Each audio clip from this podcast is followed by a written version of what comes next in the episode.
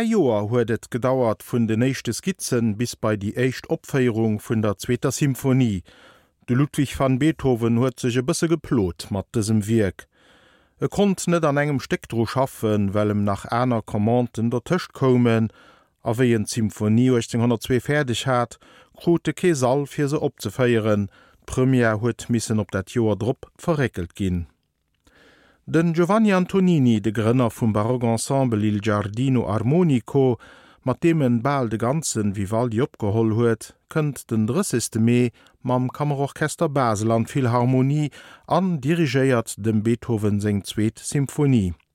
Vom Bonner Meester steht och nach den zweete Pianoskoncerto um Programm. De Christian Besäudenhaut ass de Solist. Dese Konzers um Erdauer am Auditorium vun der Philharmonie. Am Kammermusiksaal proposéieren Solist d'Europäen denowend eng Soire an hireer Serie Kamerata. De Pianist Pascal Meier an den Perkussionsduo Rachel Sang an Laurent Warnier. Beethoven de Numm macht geier denkt Cäsur an der symphonischer Musik. Nofolgent Generationioen hu sech oft schwéier gedoen nach Symphonien ze schreiben. Viele Komponisten huet den Numm Beethoven schon ball regelrecht angst gemer.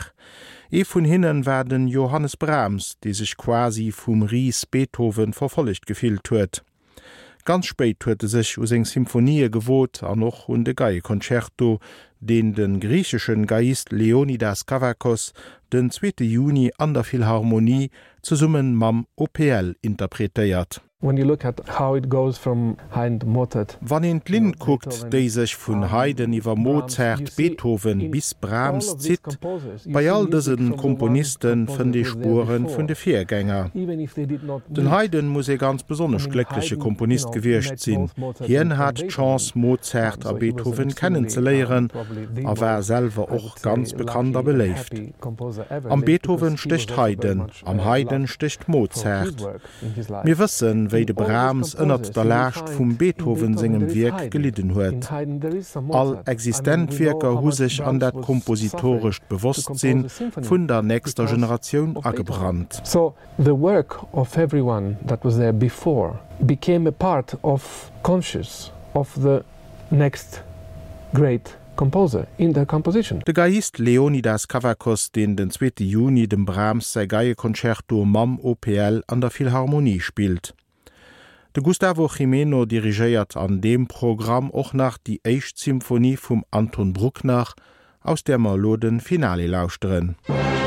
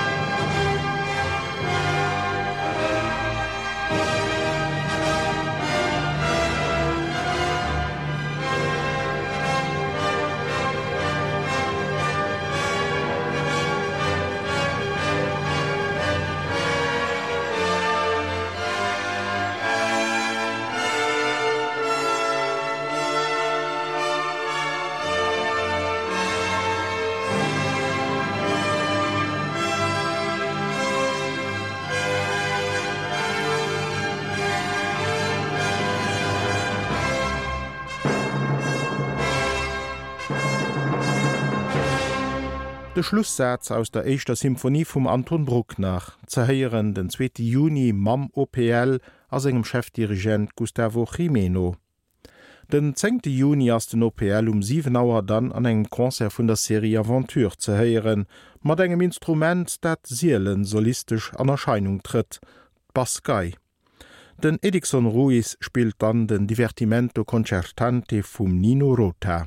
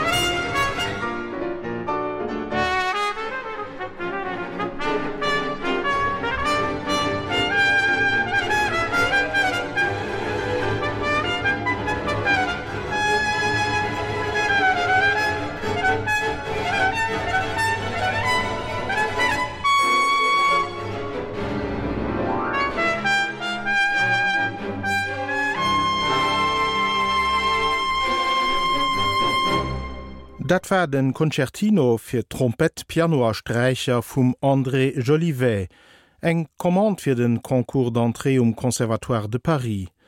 Den Adam Rixer, Solotrompetist vum Philharmonischen Orchester Lützeburg, interpretéiert dest technisch ganz uspruchsvollt Wirk de 5. Juni an engem Konzer mam Orchestre de Chambre du Luxembourg.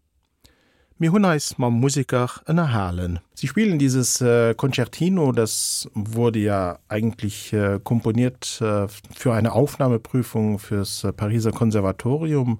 Haben die es im Studium auch mal so gespielt als äh, äh, Examensstück? Ja, das kommt äh, ziemlich oft vor beim, beim Studium und auch beim äh, Wettbewerben, also national international Wettbewerb. Ich glaube äh, sein, sein Stück diese Concertino. Er hat nämlich ein anderes Stück auch geschrieben, das zweite Konzert. Ich finde, das ist ein bisschen, bisschen schwieriger und das ist mit, mit, mit großen Orchester gedacht, also größeren Orchester.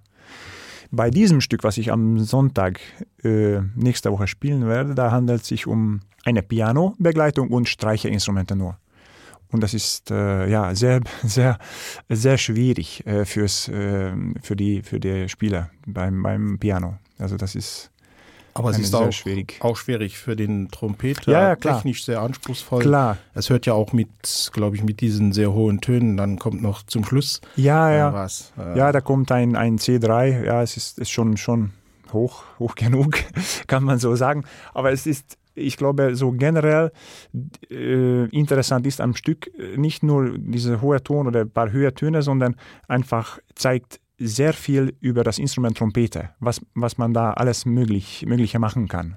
Effekte so wie zum Beispiel Trippelzunge, Doppelzunge, Flatterzunge, also äh, man kann verschiedene äh, Dämpfer, äh, ich spiele zum Beispiel mit zwei verschiedenen Dämpfer und das ist äh, zwei komplett äh, verschiedene Klänge auch. Also es ist schon, schon äh, super interessant finde ich. Wenn Sie das so spielen oder die Partitur sich anschauen, hat André Jolivet genau gewusst, was er der Trompeter alles zumuten kann oder hat er ihr zu viel zugemutet? Ich glaube schon. Vielleicht an, an diese Zeit ich glaube das Stück war 48 geschrieben. Und äh, aber da waren auch gute Trompeter äh, in Paris besonders. Und ich glaube da, da könnte man das schon schon äh, erwarten von dem von den Leuten. Auf jeden Fall von den Leuten die die in diesem Zeit äh, eine gute Level hatten. Was mir irgendwie auffällt ist dass es gerade in Frankreich so um diese Zeit herum Äh, viele so Komponisten gab, die für die Trompete geschrieben haben. Das hat man in anderen Ländern nicht so. Ja, vielleicht, vielleicht, äh, vielleicht lag dran, dass Trompete einfach äh, sein Renaissance erleben dürfte. Da kam Maurice André natürlich und ich glaube Maurice André, ich glaube Jolivet hat für ihn geschrieben. Also das ist, das ist ein, ein wichtiger Grund. Ja. Dass die zum Beispiel auch Tomasi, Desenclos, Alfred Desenclos, ich habe auch ein Stück von ihm. Also das ist die ähnliche Periode, also die, die Komponisten und äh, schwere Stücken. Also wirklich äh, Messlatte ziemlich hochgelegt, ja. Was mir auch aufgefallen ist, äh, ist natürlich die Besetzung äh, Klavierstreicher und denkt man sofort an Dimitri Schostakowitsch. Äh, hat der Jolivet sich da inspiriert? Ich, ich, ich glaube schon, aber ich, ich würde sagen, also Schostakowitsch habe ich noch nicht selber gespielt. Ich kenne das Stück, aber vom, vom Herausforderung her, Jolivet liegt auf eine andere Ebene, glaube ich nicht nicht nicht äh, natürlich nicht schostakowitsch äh, äh, klein zu reden überhaupt nicht aber ich finde so so trompeterisch gesehen also jolivet ist schon eine eine tolle herausforderung. Da spielt ja wie gesagt auch das klavier eine rolle. In inwiefern äh, ist das klavier jetzt mehr solistisch äh, zu sehen oder auch als part des äh, orchesters? Das ist immer so ein zwiespalt dann. Ja ja also ich würde ich würde mehr als solistisch ein, einstufen als, als Part vom Orchester, weil die Streiche das ist nur eine kleine Streicherbesetzung und die, die haben nicht so viel äh, zu spielen, also nicht, nicht so virtuos und nicht so schnell, sondern, sondern mehr, mehr im Hintergrund als, als Klang, Klangeffekt. Aber das Klavier, da geht schon richtig ab. Das ist ja eigentlich auch ein relativ kurzes Stück. Ist das so komponiert, dass er in diesen äh, 10, 12 Minuten äh, alles reingepackt hat und ist es auch deshalb für den Trompeter so anstrengend, weil er in der Kürze dieses alles spielen muss, was er vielleicht in einem klassischen Concerto in einer 20 Minuten spielen kann. Ja, ja, ja. Und äh, da gibt's, äh, ich würde zum Beispiel äh, drei Teile also auf einteilen das Stück. Es gibt, gibt natürlich den Anfang und es gibt ein, ein langsameres Teil. Mittlerweile könnte man quasi als zweiter Satz nennen, aber es ist in einem Stück geschrieben. Und natürlich äh, Finale mit dem Dämpfer, sehr virtuose Stellen hintereinander. Und äh, ich glaube, das ist auch schwierig, weil, weil wenn man einen, so einen klassischen Konzert spielt mit drei Sätzen, da hat man ein bisschen so äh, durchzuatmen zwischen die Sätzen. Ein bisschen, ein bisschen äh, pausieren, in Anführungszeichen. Aber äh, bei dem Stück ist es nicht so, nicht so viel Möglichkeit für sowas. Also es muss man äh, verlangt gut, gute Ausdauer und einfach, einfach gewisser Biss da durch, durch zu, durchzukommen. Was machen Sie jetzt noch äh, solistisch oder in Kammermusikformationen, wenn dieses Konzert jetzt vorbei ist? Wie ja, sehen Ihre Pläne aus? Also äh, bin ziemlich aktiv momentan und das ist schön. Äh, wir haben, wie, wie gesagt, diese, diese Friedener Musiktage von meinem Kollegen Utz Göster sein Festival mit unserem äh, Blechbläser Quintett am 22. Juli und äh, ich habe einen, einen sehr guten Freund und, äh, und äh, Musikerkamerad, der Herr Maurice Clement. Ich spiele ganz oft mit ihm und wir, wir arbeiten jetzt auf ein Programm äh, für die Zukunft. Also äh, wir haben schon ein paar Konzerte gehabt und die Chemie stimmt äh, und es macht Spaß mit ihm zu spielen. Und da hatten wir auch ein Jolivet-Stück gespielt, ziemlich selten wird gespielt, heißt Arioso Barocco. So aber super viel Spaß gemacht. Also ein, auch eine tolle Herausforderung. Ich glaube generell, alles, was, was Jolivet heißt für Trompeter, ist sehr anspruchsvoll und äh, leider viel zu wenig gehört, glaube ich, auf, auf, dem, auf, auf die internationalen Bühnen. Ich weiß nicht wieso, aber könnte, könnte mehr sein. Es gibt auch ein Stück für Schlagzeug, also eine Palette von Schlagzeug, Solo-Schlagzeug und Trompete heißt Heptade unglaublich guter Stück, aber sehr, sehr wenig, wenig gespielt. Ich habe das auch vor. Also ich, ich bin ein echter Jolivet-Fan. Ich glaube, ich, ich gehe ran langsam an, an alle seine Werke. Den Trompetist Adam Rixach. Hien ass de 5. Juni de Solist am Concertino vum André Jolivet an engem Konzer am Orchestre de Chambre du Luxembourg an der Villharmonie. De franzésche Komponist kën doch schon den en andre Mei an engem Konzer Akter am Städter Konservatoire zu éieren, dann mat der Suite an Konzer fir Flüt a Perkusioun.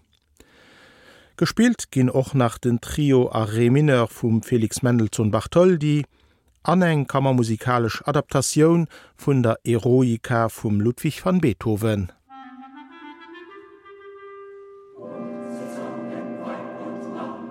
Geschicht vum langen Feit, so wéit Lukosterse an hirem grosse Wirk der Geiger von Echter nach verzielt.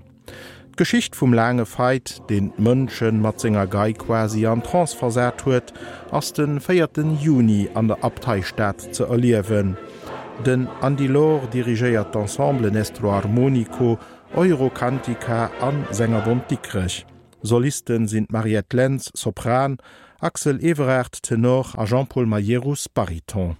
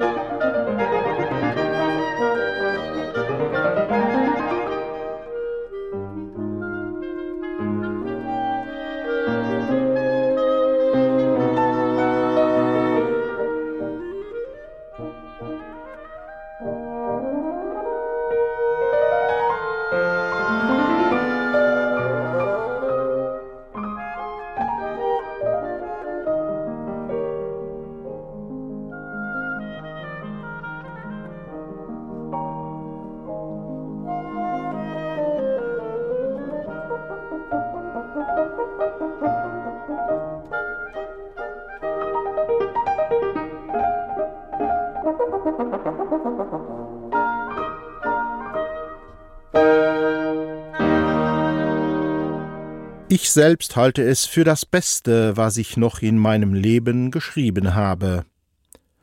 De Wolfgang Amadeus Mozart huet sich net wenig gebretzt mat segem Quinteddern mi bemol Majeur, aus dem er lograt de nächte Satz gelauschtter hunn.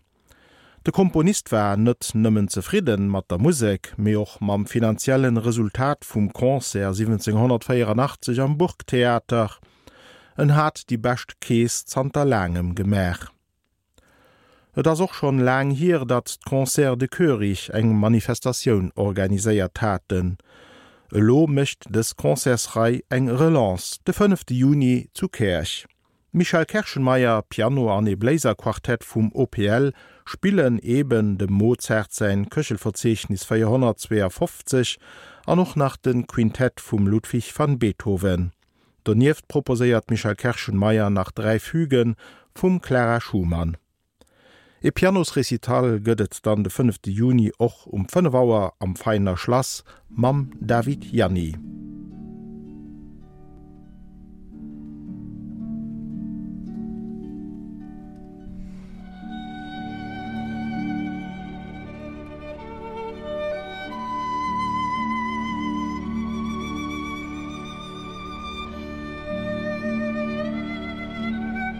Es ist wahnsinnig wichtig, in den Kindergärten anzusetzen, weil Musikunterricht da genau in das richtige Alterszentrum trifft, nämlich in eine Periode, in der das Kind seinen eigenen Körper, seine eigene Stimme erfährt und in der das Ganze begreifend erforscht wird.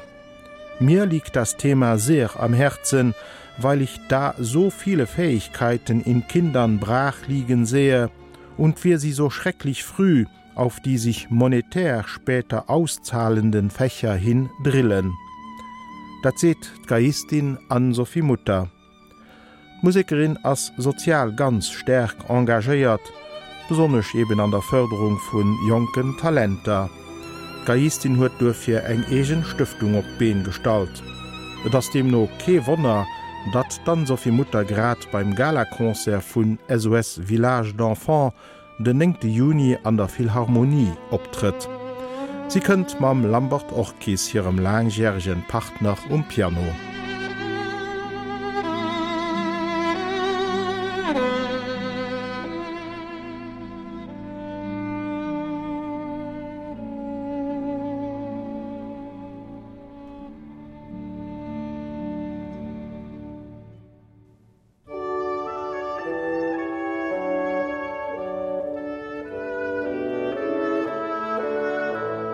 an danach e puer Rendevousen zum Hofschloss.